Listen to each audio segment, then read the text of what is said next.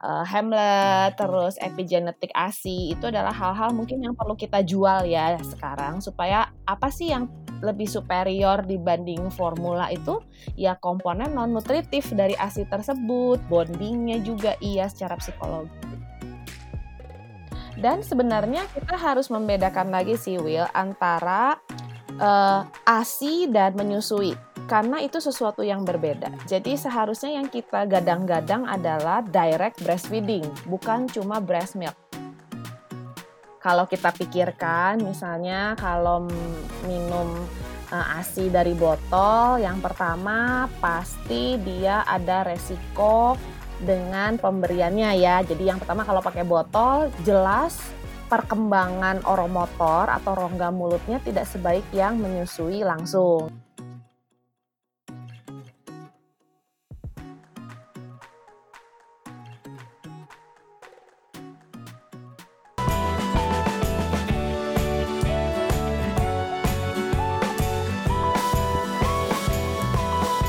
Hai, gue Willy Yonas. Selamat datang di podcast Sehat Seutuhnya. Halo semua, selamat datang lagi di podcast Sehat Seutuhnya bersama saya Willy Yonas. Topik podcast hari ini adalah topik yang para perempuan wajib banget mendengarkan, tapi juga para laki-laki nih. Yaitu kita akan ngomongin soal ASI, air susu ibu.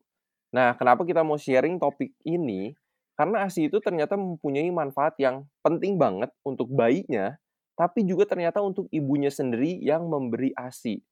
Nah, yang saya udah baca-baca, ternyata ini tuh juga bisa menurunkan resiko penyakit-penyakit tidak menular.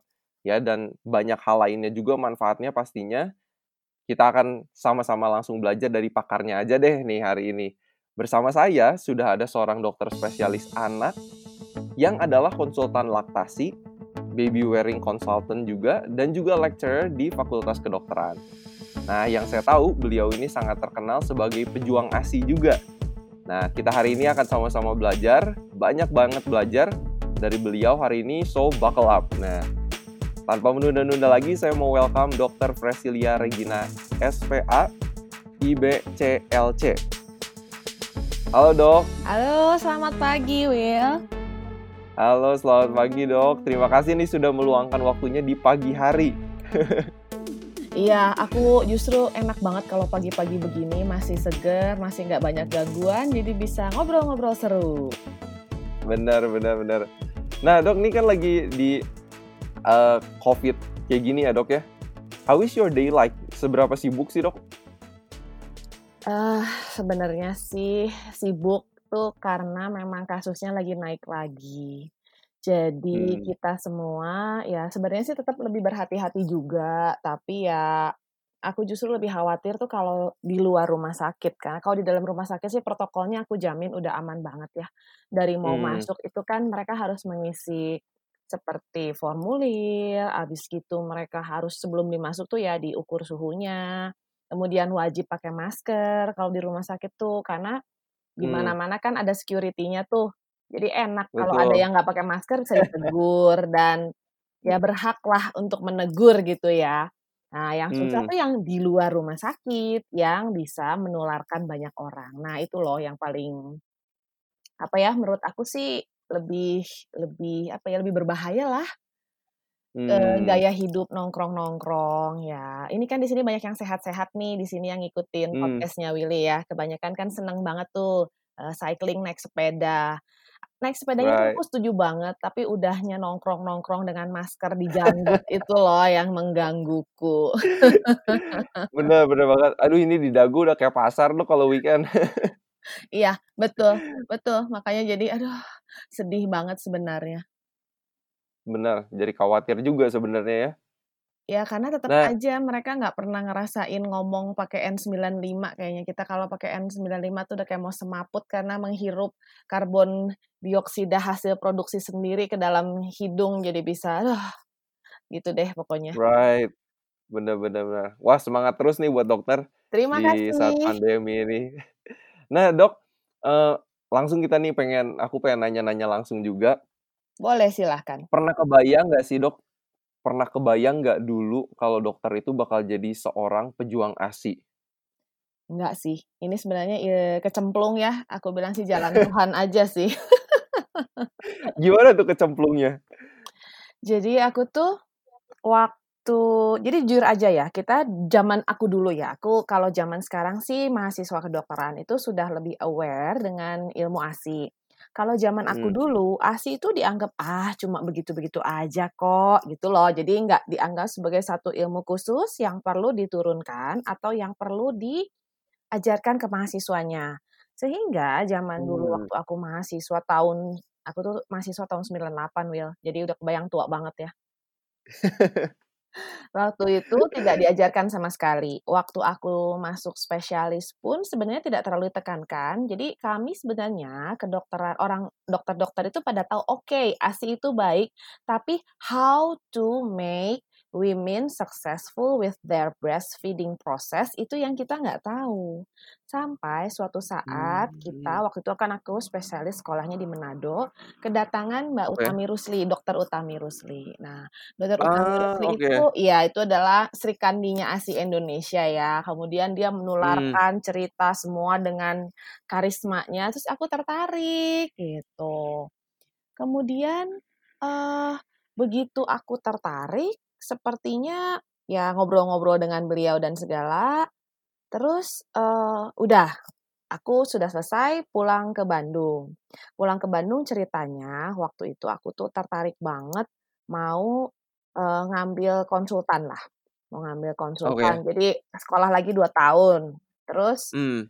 eee, ternyata untuk mengambil konsultan itu, eee, kita harus sudah punya kayak pengalaman kerja dulu, jadi nggak bisa langsung nggak bisa langsung sekolah Nggak bisa lagi. langsung ambil ya? Heeh heeh Oke. heeh heeh.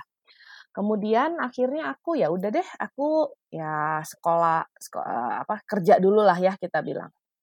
Begitu Mmm. kerja, ternyata, mmm, banyak kasus ASI dan aku ngambil konseling eee, konsul konselor menyusui dulu. Itu tuh 40 jam, 40 jam jadi 5 hari pelatihannya. Pelatihan yang lebih lama dari pelatihan di dunia medis mana pun adalah konseling menyusui. Terus aku ke. Jakarta heeh, untuk sekolah eee, bukan konseli latihan ya, pelatihan dapat gelar konselor menyusui 5 hari, itu pun nggak bisa kita pakai karena harus, eee, ada sekian pasien yang dikonseling dan segala macam. Jadi aku udah dokter anak, konselor menyusui dulu. Setelah konselor menyusui kayaknya memang passion-ku di situ juga ya. Karena ya ibu-ibu kan Mmm. semua juga perlu dibantu. Nah, dari situlah aku masuk ke join ke Asosiasi Ibu Menyusui Indonesia. Gitu loh, Mmm. yang Jawa Barat. Di situ kan teman-teman semuanya pro ASI gitu ya. Jadi kita kayak punya, kita bilang setrum-setrum listrik yang kalau satu udah mulai capek karena ini susah banget diedukasi, yang lain kayak, "Ayo Mmm. semangat!" Jadi kayak nyetrum lagi. Terus ya beberapa pelatihan dan segala macam, akhirnya aku ngambil konsultan menyusui internasional. Itu sebenarnya, Mmm. mmm, harus ada syarat-syaratnya antara lain kayak 1000 jam terbang, kemudian udah harus ya bla bla bla bla bla, dan ujian. Nah, ujian itu setiap 5 tahun juga harus di, eee, re-certified lagi, gitu sih. Oh, oke. Wow, cukup panjang juga pengalaman ya sampai akhirnya jadi pejuang ASI ya. Tapi ini Iya. keren nih. Dan kalau misalnya setelah, eee, pas dokter udah mulai praktek jadi dokter spesialis anak, eee, apakah memang di lapangan, eee, di pasien-pasien yang dokter ketemu setiap harinya itu memang kurang gitu pengetahuannya soal ASI? Eee, sebenarnya sih hampir semua samalah kayak menurut aku ya, orang tuh semua bilang gini, "Oke, merokok itu tidak baik." Sampai Mmm. di banner-banner segala macam tuh, eee, iklan rokok pun di bawahnya ada gambar yang paru-paru bolong, leher bolong gitu kan, untuk Bener. memberitahukan efek kalau dia merokok. ASI pun seperti itu sebenarnya sih, Will. Jadi mereka sudah tahu bahwa ASI itu baik, oke, but how to, ya itu yang mereka kurang tahu, gitu loh. Jadi ASI baik tuh semua sudah tahu, tapi Mmm. how to. Dan seberapa baik juga mereka kadang tidak sampai sedalam itu. Mereka cuma "Oke, it's good." Ya, tapi kalau ASInya nggak ada pakai formula juga sama baiknya kali. Dan iklan formula itu kan duitnya kencang-kencang ya, jadi mereka memang Right. ya keren banget deh pokoknya anak-anaknya smart, pinter banget. Sementara iklan ASI tuh, mmm mungkin karena tidak mampu membayar grafis desain yang oke okay banget, terus membayar di media-media dengan harga mahal karena ASI itu kan gak ada sponsornya ya, jadi kayaknya kurang Right. gitu loh. Tapi bener sih itu ngomongin iklan ya, mmm, kayak kapan gitu, kapan ya terakhir aku ngelihat iklan promosi ASI gitu, aku nggak inget sih. Ya kan? Sementara kalau iklan-iklan formula itu even kita lagi buka YouTube pun ada cring gitu kan, masuk iklan apa kek iklan apa kek, Mhm. gitu sih, ya. Kalau, eee, kira-kira ada datanya nggak, Dok? Eee, kayak misalnya berapa persen sih anak Indonesia yang mendapatkan ASI dan berapa persen misalnya yang tidak? Sebenarnya kalau mendapatkan ASI sih hampir semua ya, Will, ya, hampir semua. Tapi Mmm. untuk exclusive breastfeeding, which is kalau ASI eksklusif itu artinya selama 6 bulan sama sekali tidak pernah masuk apa pun. Itu yang datanya Mhm. rendah. Kenapa? Karena, eee, kalau dia minum air putih atau minum formula setitik aja itu sudah tidak masuk definisi ASI eksklusif loh. Oh, wow. Iya Jadi iya. eksklusif bener-bener 100% banget kan harusnya? Yes. Betul. Dan sebenarnya Wow. kita harus membedakan lagi sih, Will, antara, eee, ASI dan menyusui, karena itu sesuatu yang berbeda. Jadi seharusnya yang kita gadang-gadang adalah direct breastfeeding, bukan cuma breast milk. Karena kebanyakan ibu-ibu zaman now ini kalau aku lihat ya, they hah. hired, eee, nurse ya, maksudnya kayak asisten rumah tangga gitu, terus dia Mmm. pump, toh yang dia tahu adalah Right. ASI adalah baik. Jadi mereka tidak menyusui langsung, mereka pump dan hasil pump-nya itu dikasih ke anaknya melalui DOT. Jadi yang ngasih Mmm. susunya adalah ART-nya gitu loh. Itu adalah tren yang sekarang terjadi. Jadi mereka hanya memikirkan komponen ASI-nya saja, kan yang penting ASI Mmm. gitu, tapi tidak direct breastfeeding, itu so sebenarnya. Jadi kita kalau para pejuang ASI tuh pingin banget mengubah mindset mereka bahwa berbeda loh antara menyusui langsung dengan hanya memberikan ASI melalui media apa pun, itu. Mmm. Nah itu bedanya apa tuh, Dok? Apakah jadi koneksi antara anak sama mamahnya atau ada apa lagi tuh yang lainnya? Iya, betul betul. Itu salah satunya sih, Will. Jadi kalau kita pikirkan misalnya kalau minum, eee, ASI dari botol, yang pertama pasti dia ada resiko dengan pemberiannya ya. Jadi yang pertama kalau pakai botol jelas, mmm, perkembangan oromotor atau rongga mulutnya tidak sebaik yang menyusui langsung. Kenapa? Karena gigi, gusi itu kan akan me mengisap dengan cara yang berbeda antara menyusui langsung, itu kan menggerakkan rahang, menggerakkan bibir, Mmm. menggerakkan gusi, di mana nanti 6 bulan tuh proses mengunyahnya akan lebih baik gitu loh. Mengunyah makanan padat loh ya maksudnya. Sementara kalau Iya. yang pakai DOT, itu sebenarnya dia mengenyot di daerah gusi depan, gigi depan, dan rahang depan Mmm. saja, tidak rahang samping yang dekat telinga itu. Sehingga struktur gigi itu cenderung lebih maju dan cara me cara mengunyahnya juga tidak sebagus yang menyusui langsung. Itu yang pertama. Yang Oke. kedua, kalau ART-nya bersih, okelah ya. Kalau ART-nya Mmm. mencuci tidak bersih botolnya, itu resiko kontaminasi kan, resiko Mmm. diare, resiko dan lain-lain. Dan, mmm, breast milk preparation, jadi kayak menghangatkannya, mendinginkannya, itu kan ada aturan ya. Jadi dia harus di suhu dingin, di suhu kulkas, kalau kulkasnya lagi nggak jalan atau kulkasnya mati listrik, itu kan pasti suhu ASI perahnya akan turun. Dan ada lagi Mmm. resiko kontaminasi dan bisa saja dia diare gitu kan. Nah, dan Mmm. komponen non-nutrisi. Jadi ASI itu kan ada komponen nutrisi dan non-nutrisi. Nutrisi itu kayak adanya karbohidrat, protein, lemak, tapi yang perlu diingat justru komponen non-nutrisi. Komponen non-nutrisi ini yang penting banget seperti antibodi, antibakteri, Ah, oke. anti-kanker. Nah, itu nanti akan dibahas lagi lah. Itu nggak Oke. nggak nggak ada di susu formula mana pun dan kalau ASI perah kadang dia agak heat label. Jadi um, dengan pemanasan itu ada yang berkurang gitu loh Will. Ah, I see. Uh, dan yang Oh, terakhir ini satu lagi yang seru banget adalah uh, tentang epigenetik. Uh, Willy pernah tahu tentang ilmu epigenetik? Iya. Ya ya Pernah. ya. Ya, epigenetik Gimana? Ini seru nih kayaknya. Seru seru. Jadi ternyata epigenetik tuh bukan cuman sekedar, eee, komponen ASI-nya saja yang bisa mengubah materi genetik menjadi seseorang anak. Tadinya misalnya kalau dia punya prone to cancer apa gitu ya. Jadi kita Hmm. healthy lifestyle kan bukan cuman udah remaja saat kita sudah mengerti baru kita olahraga, baru kita makan sehat kan tidak. Tapi kita pengen Hmm. dari ibunya hamil, dari anaknya makan makanan pertama tuh sudah semuanya healthy gitu loh. Nah, Right. selain itu ternyata mereka yang menyusui langsung, anaknya itu kena yang kita sebut good bacteria dari, eee, kulit ibunya. Jadi kita Right. transfer good bacteria, itu yang pertama. Sehingga, eee, kalau healthy gut, harusnya dia lebih healthy lagi untuk makanan selanjutnya dan resiko kansernya menurun. Yang berikutnya Hmm. adalah, dia ternyata mengubah sifat loh, jadi agresivitas. Kalau dia banyak dipeluk, banyak disusui langsung, kontak matanya baik, jadi itu bisa mengubah sisi agresivitas. Itu ada penelitiannya ternyata.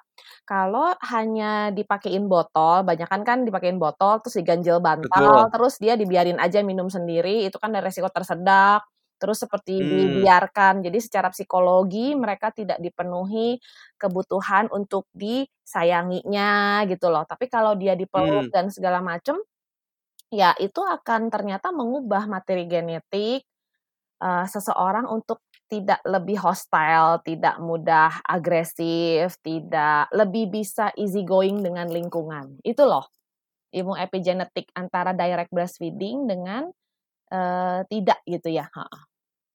Oke, ini ini keren banget sih. Eee, jujur aku belum te apa, terbuka juga gitu pikirannya kayak, wow impact-nya tuh segini besarnya sampai epigenetik. Ini bakal kita obrolin lebih lanjut nih, Dok. Seru banget seru banget.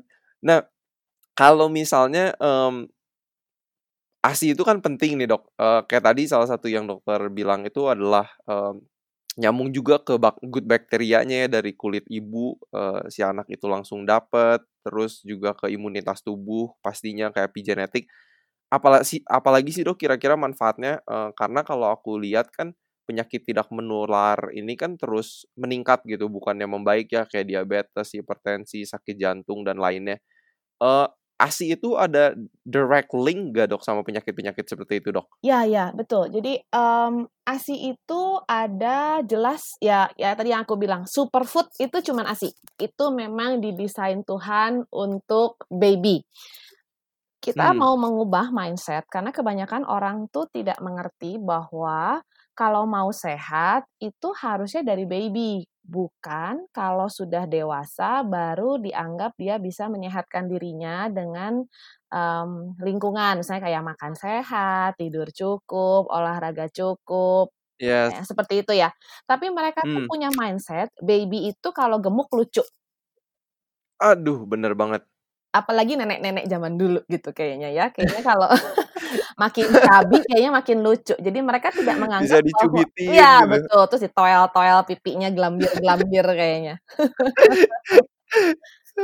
Nah, jadi mereka menganggap bahwa bayi itu harus gemuk, anak itu harus gendut, harus minum susu. Itu loh yang kita campaign sekarang adalah, anak itu nggak harus minum susu loh, Will. Jadi kita tidak lagi Hmm. menggunakan istilah 4 sehat 5 sempurna, tapi kita Betul. menggunakan pedoman umum gizi sehat, di mana susu itu termasuk dalam komponen protein hewani. Jadi kalau memang Hmm. dia bisa mengkonsumsi protein hewani, makin baik, tidak harus dari apa ya, dari susu gitu loh maksudnya. Apalagi susunya adalah susu formula.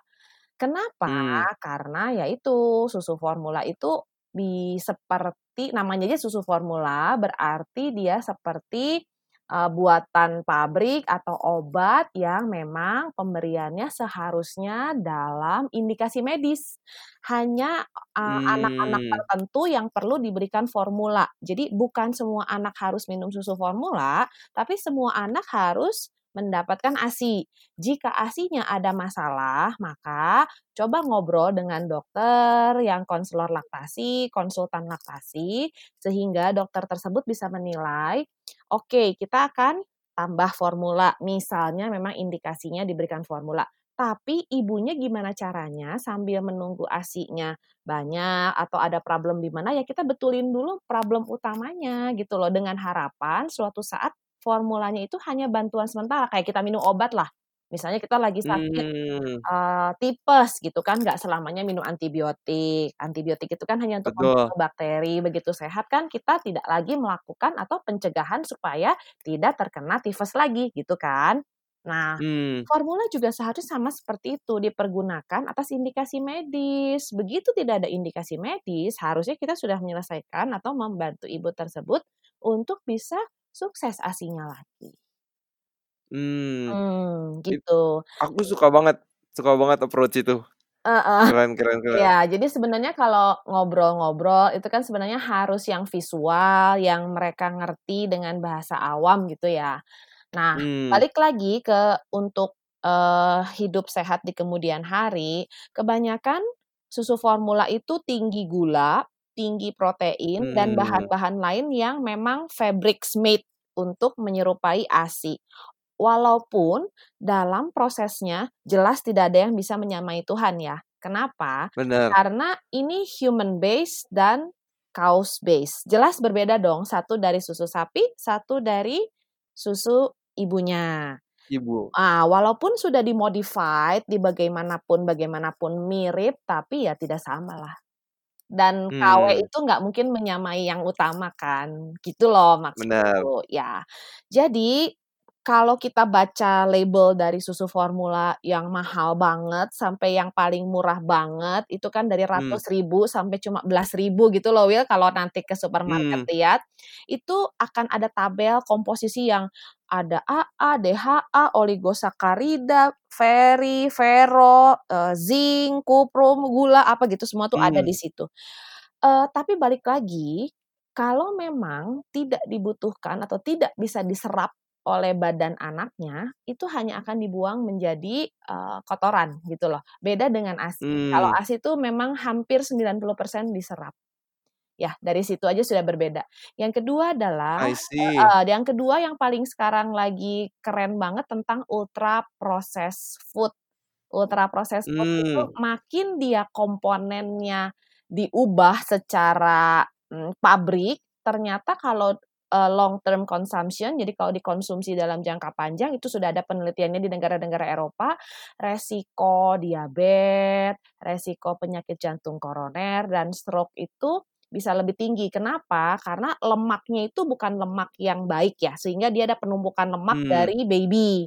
Gulanya itu bukan gula yang baik, sehingga insulin kita dari baby di force untuk bekerja tinggi. Ya oke okay, gendut sih, lucu sih, tapi pada satu hmm. titik dia hmm. akan uh, apa ya lebih le, lebih cepat capeknya gitu ya karena dari kecil di force. Hmm. Sementara kalau dari ASI mereka memang cocok jadi tidak membebani fungsi uh, apa tidak membebani fungsi jantung, tidak membebani fungsi pembuluh darah, tidak membebani fungsi hmm. uh, pankreas sehingga mereka memang ya udah oke okay aja gitu loh. Ini kayaknya kalau ngomongin soal ultra processed food juga kayaknya uh, di zaman sekarang ultra processed food makin banyak dan banyak juga nggak sih dok praktek-praktek dari ibu-ibu uh, yang memberikan makanan-makanan bungkusan ini untuk menggantikan ASI juga? Iya betul even Banyak mereka, ya? mereka sampai merasa apalagi kalau udah masuk ke makanan pendamping ASI ya. Jadi makanan pendamping itu MPASI hmm. kita bilangnya. They Betul. do they do believe that uh, instant food is superior than homemade food. Really? Yes. Wow. Karena mereka takut salah ngasih makan anaknya. Daripada salah Mmm. yang udah tertera dari pabrik itu lebih baik ya kan maksudku gini, kalau namanya salah itu kan hal lumrah ya sebagai manusia karena kita bukan Tuhan. Ya Mmm. belajar aja masak, kan tidak pernah ada kata terlambat kan. Willy juga mungkin baru Betul. belajar masak waktu udah kuliah sendirian kali ya, waktu di rumah ada mama kayaknya oke gitu kayaknya ya. Yes, bener banget. Ya gitu sih maksudku. Dan ada satu lagi sih Will yang aku mau, eee, pernah dengar tentang Hamlet nggak sih? Komponen ASI itu ada yang namanya Hamlet. Belum. Apa Hamlet tuh, Dok? Hamlet tuh H-A-M-L-E-T, Hamlet ya tulisannya Hamlet itu Human Oke. Alpha Lactalbumin made lethal to tumor cells. Ini adalah komponen anti kanker. Wow. This is amazing. Ya ya, jadi kalau misalnya nanti Willy kan senang sekali bergerak di bidang, eee, kesehatan. Jadi ya menurut aku sih ada beberapa kayak ultra processed food, terus, mmm, eee, Hamlet, terus epigenetic ASI, itu adalah hal-hal mungkin yang Mmm. perlu kita jual ya sekarang supaya apa sih yang lebih superior dibanding formula itu, ya komponen non nutritif dari ASI tersebut, bonding-nya juga iya secara psikologis. Jadi ya Mmm. memang penelitian awalnya adalah mereka berpikir ini kok kalau anak-anak ya kan penelitian tuh dari, mmm, eee, dari sekarang kok ini banyak banget yang anak kanker, terus mereka teliti ke belakang, oh ternyata anak yang kanker atau a pada anak kan kanker paling tinggi itu leukemia ya, ternyata waktu Mmm. kecilnya tuh lebih banyak yang mendapatkan formula dibanding yang mendapatkan ASI gitu. Bukan berarti ngasih ASI pasti anti kanker, tidak, tapi risk-nya Mmm. lebih kecil. Nah akhirnya mereka meneliti meneliti meneliti dan dapatlah ini tentang Hamlet. Sampai yang sekarang Wow. kayak corona itu di dalam ASI juga ada secretory immunoglobulin yang anti coronavirus loh. Wow.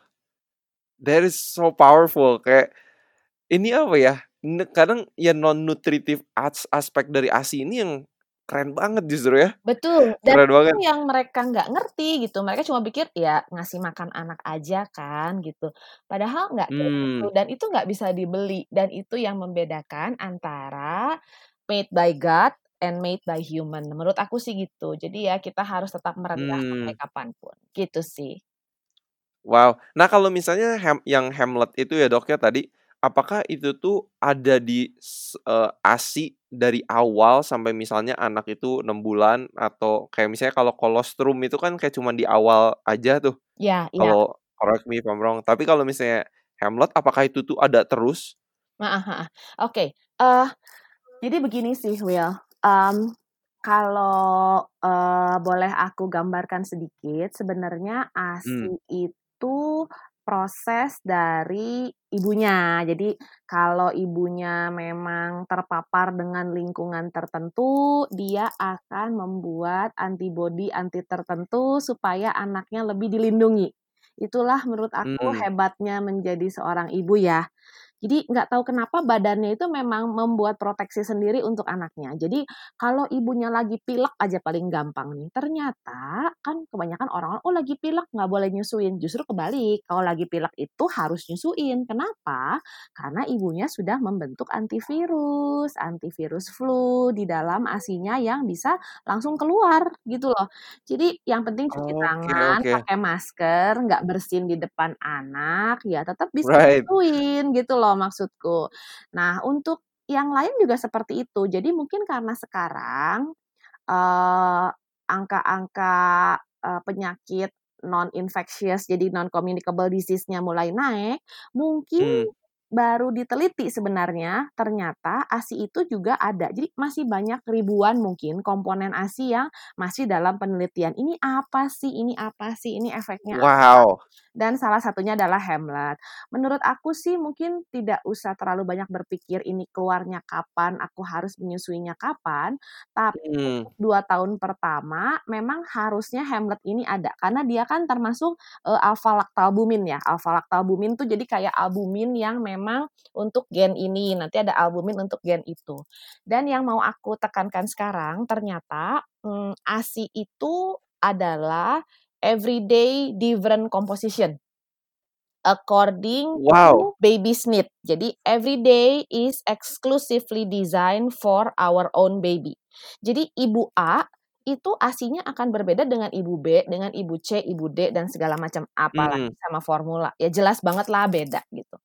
Misalnya nih Mmm. kalau ibunya bekerja, terus dia bilang gini, "Oh saya, eee, mau pompa aja ASI sebanyak-banyaknya, karena pasien saya ada loh yang seperti ini pola pikirnya, Will. Jadi Mhm. mereka memompa ASI sampai 3 freezer sampai umur 6 bulan. Setelah itu dia akan bilang, Wow. "Aku capek dok, jadi ASI freezer-nya masih banyak, lagian ada mbaknya juga yang ngasih minum, jadi aku mau berhenti ASI aja." Loh, aku jadi berpikir, "Loh kok jadi dibalik gini?" Karena dia berpikir, "Oh ASINya masih banyak yang di freezer, sayang juga kalau nggak dikasih minum ke anaknya." Padahal Mmm. seharusnya kalau kita memang direct breastfeeding dan setiap hari ASI itu dicek ke laboratorium, ternyata ASI itu komposisinya berbeda-beda sesuai dengan kebutuhan anaknya. Jadi anak umur 1 bulan, 2 bulan, 3 bulan, 4 bulan, 5 bulan, 6 bulan, sampai 2 tahun pun Mmm. komposisinya berbeda loh. Itu sesuai dengan kebutuhan anaknya saat itu. Itu baru komponen nutrisi, belum komponen non nutrisi. Kalau lingkungannya ada apa, ibunya badannya akan bikin antibody, keluar lagi lewat anaknya. Jadi memang kita sebenarnya tuh Mmm. the fresh you can give is the best one, itu sih. Wah ini ini keren banget sih bener-bener, apa ya, aku pun baru aku jujur aku baru tahu hal ini juga dan, eee, emang makin kagum aja gitu sama emang yang diciptakan Tuhan begitu ya emang harus gitu, gitu ya, Dok, ya? Ya jangan melawan kodrat lah intinya. Bener bener bener. Nah kalau misalnya, eee, dokter dokter bisa ngelihat nggak sih, Dok, apa bedanya pada anak yang misalnya dapat ASI eksklusif dan tidak? Apakah misalnya yang tidak dapat ASI eksklusif misalnya lebih gampang kena dapat alergi atau pertumbuhan fisik mentalnya ada bedanya nggak sih, Dok? Secara umum sih ya pasti ada lah, cuman, eee, biasanya sih aku tidak terlalu suka karena, eee, ibu-ibu tuh defensif sih, Will. Pada dasarnya mereka adalah defensif, pada dasarnya mereka mudah Mhm. tersinggung. Karena nggak mungkin seorang ibu mau dikatakan tidak baik untuk anaknya. Mereka pasti akan Mmm. berusaha selalu memberikan yang terbaik untuk anak-anaknya, itu aku yakin banget.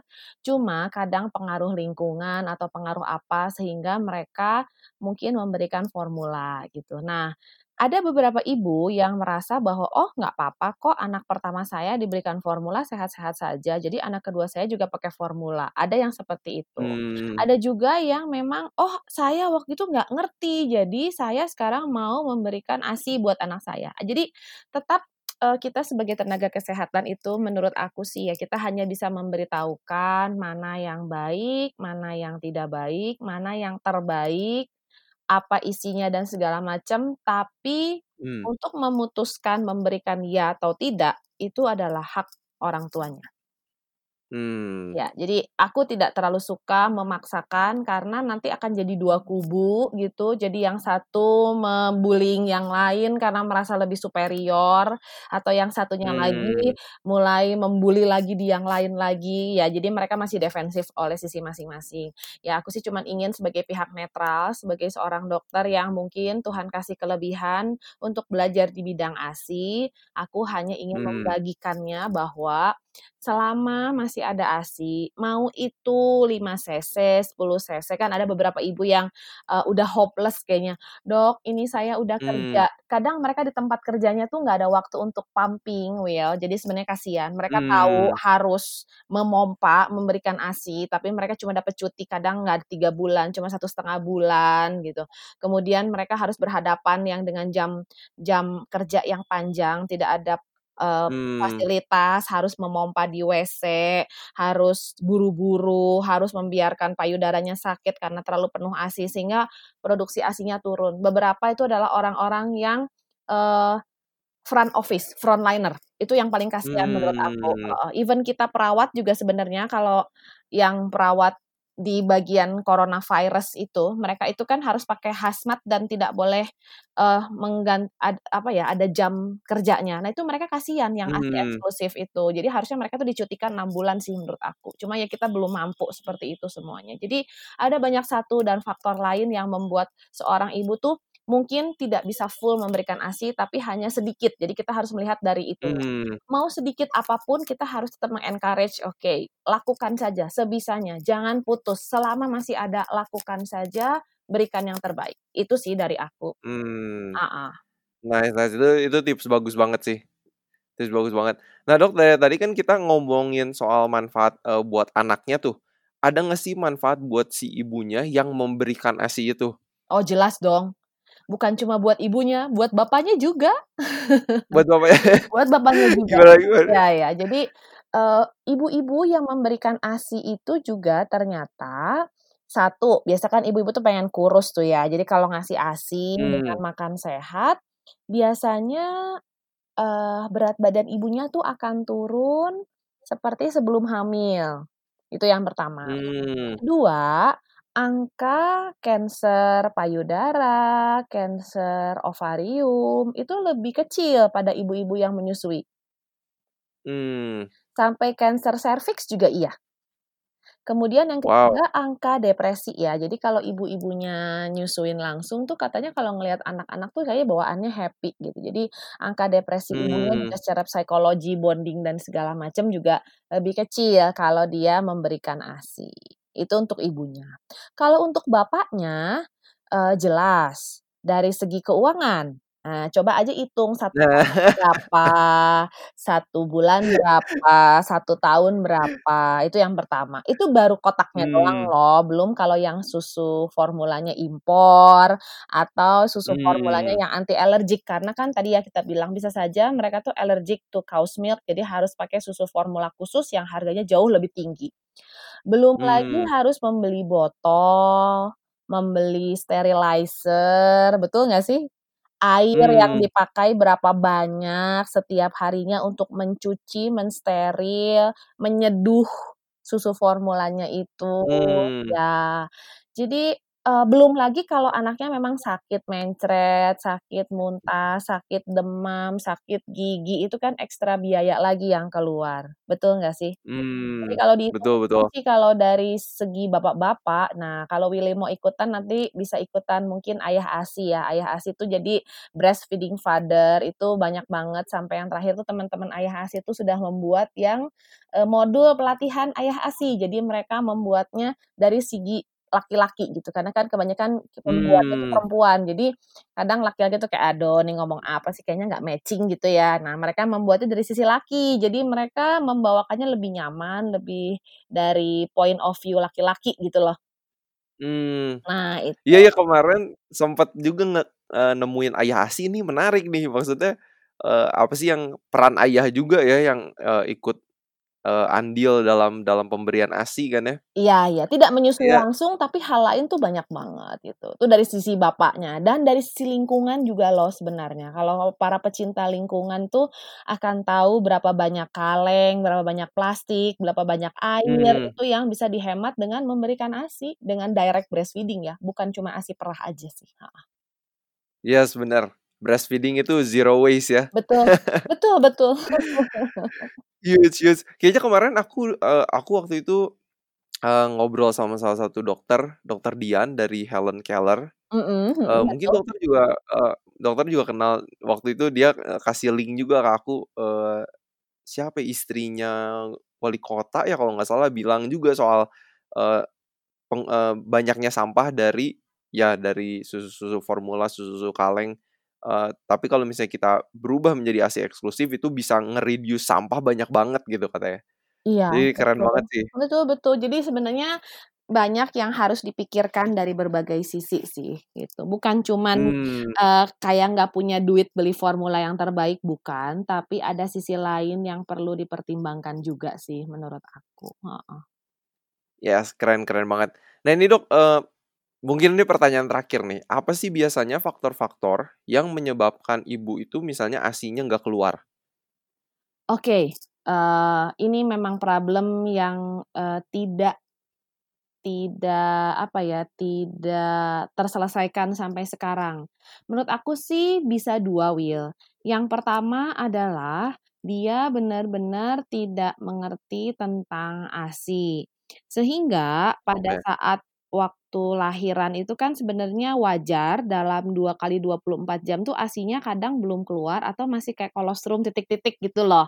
Nah, dia Oke. keburu panik karena anaknya misalnya nangis-nangis gitu. Padahal kan sebenarnya kalau dengan Mmm. disusuin aja juga anaknya, nggak uh, akan berkekurangan. Jadi mereka pengennya tuh uh, mispersepsi bahwa begitu lahir tuh kayaknya asinya yang bisa dipam dapat berbotol-botol gitu loh. Itu adalah ekspektasi yang salah. Hmm. Padahal tadi yang seperti Willy bilang bahwa waktu awal-awal itu kan basi kolostrum dan kolostrum hmm. itu kan sudah kita bilangnya proteinnya cukup, gulanya cukup. Jadi dia dalam jumlah kecil 5 sampai 7 ml atau 5 sampai 7 cc aja seperti satu sendok teh itu cukup untuk bayi loh.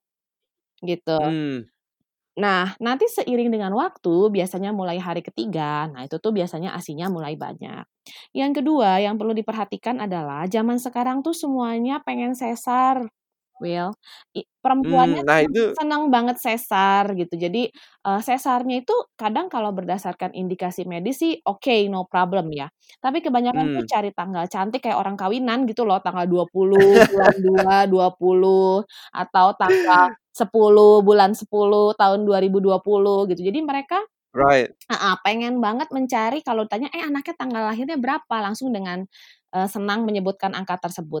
Padahal hmm. badan ibunya belum siap dan anaknya sendiri kadang belum siap.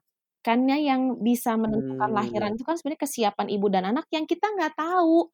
Tiba-tiba aja ada yang 40 minggu lahiran, ada yang 37 hmm. 8 hari, ada yang 39. Itu kan rahasia Tuhan lah kapan anak dan ibunya siap. Ya, betul nggak? Hmm. Kalau dokter betul. kandungan kan memang ya kalau beratnya udah di atas 3 kilo kan harusnya udah oke okay itu. Tapi kan ya beda-beda balik lagi ya maksud aku. Hmm. Nah, itu juga sering sekali menjadikan faktor penggagal. Atau bahkan yang satunya lagi tuh justru dia terlalu banyak baca terlalu banyak baca, akhirnya terintimidasi, dia merasa nanti kalau asinya nggak keluar, anak saya kena formula, nanti di ke depannya dia bisa alergi. Kalau nggak alergi, hmm. banyak kan kena gula, dia, jadi dia itu malah jadi feedback negatif ya. Jadi itu pressure yang hmm. terlalu berlebih. Itu loh maksudku. Jadi gimana ya sebenarnya sih ya kita perlu membaca, tapi harus bisa um, mengerti juga bagaimana cara supaya kita bisa tenang menghadapi semua masalah yang ada. Jadi saran saya hmm. nomor satu hmm. adalah pilihlah dokter kandungan, dokter anak, rumah sakit, bidan, puskesmas, posyandu, atau didampingi oleh konselor menyusui. Hmm. Supaya kalau ada problem, kita bisa secepatnya membantu. Gitu. Oke, itu itu penting penting banget penting banget. Dan gimana pengalaman dokter, uh, banyak juga ibu-ibu yang misalnya susah keluar asinya terus akhirnya, uh, ketemu dokter terus dikasih solusi dan akhirnya bisa keluar lagi, Dok? Ada, kita bilangnya relaktasi, itu juga ada beberapa problem, tapi ya balik lagi sih Will, um, aku sih cuman pada dasarnya, uh, mengatakan bahwa suksesnya ASI itu dibantu oleh lingkungan, tapi balik lagi, ibu dan keluarga inti itu adalah pengambil keputusan pertama. Yang hmm. utama juga, kalau kita sudah bersusah-susah payah, misalnya kayak, Bu, ini ayo, bisa gini, bisa, ini bagus, ini, tapi tetap dianya bilang, saya capek, dok. Ya udah, habis mau diapain? Jadi, bener-bener. Ya, ya, dia bilang, uh, saya bayar di rumah sakit. Saya lagi capek sekarang, tensi saya lagi tinggi gitu. Jadi ya balik lagi loh ke ibunya. Jadi menurut aku sih uh, kita sebagai tenaga kesehatan itu hanya perlu memberikan informasi yang tepat, combating the marketing dari formula. Kita harus memarketkan hmm. ASI bahwa kelebihan, yes. kekurangan, keuntungannya apa tetap keputusan tuh sebenarnya di tangan konsumen. Karena kalau enggak mereka jadi malah sembunyi-sembunyi sih Will banyak juga yang mereka jadinya hmm. di depan kita ngomong ASI. Oh dikasih minum apa? ASI ASI. Padahal di belakangnya mereka ngasih formula kenapa takut dimarahin dokter Fresil? Katanya. Itu juga ada yang seperti itu. Ada yang sampai gini dok saya udah ngasih formula karena nggak cukup saya kerja. Saya masih boleh konsul atau kontrol ke dokter. Ada yang seperti itu juga karena mereka menganggap hanya ASI eksklusif aja yang boleh kontrol ke saya nggak juga sih sebenarnya uh, kita harusnya hmm. bisa mendampingi semua anak untuk bisa mendapatkan yang terbaik. Kalaupun dia misalnya kurang beruntung mendapatkan uh, ASI, mungkin di MPASI-nya yang harus kita berikan makanan yang baik gitu kan ya. Jadi hmm. sih kita sebagai dokter anak harusnya membantu supaya ibu-ibu itu lebih paham aja sih apa yang bisa membuat anaknya investasi yang sehat di masa depan. Gitu kali ya. Hmm. Wow, amazing dok.